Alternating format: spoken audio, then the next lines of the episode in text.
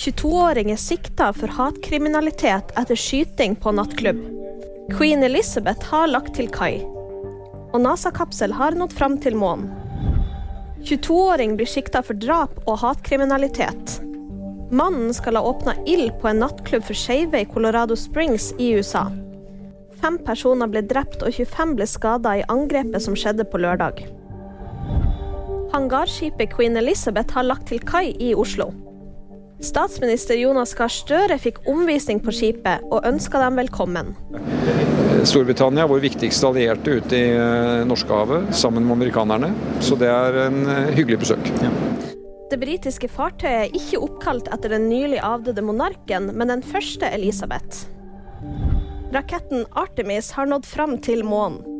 For første gang på 50 år har NASA sendt ut en romkapsel som skal gå i bane rundt månen. For denne gang ble den 100 meter høye Artemis-raketten sendt uten mannskap. Om alt går som det skal, vil den bli sendt med mannskap neste gang. Ifølge NASA skal mennesker kunne bo på månen i lengre perioder innen 2030. Og VG-nyheter det fikk du av meg, Live Auskar.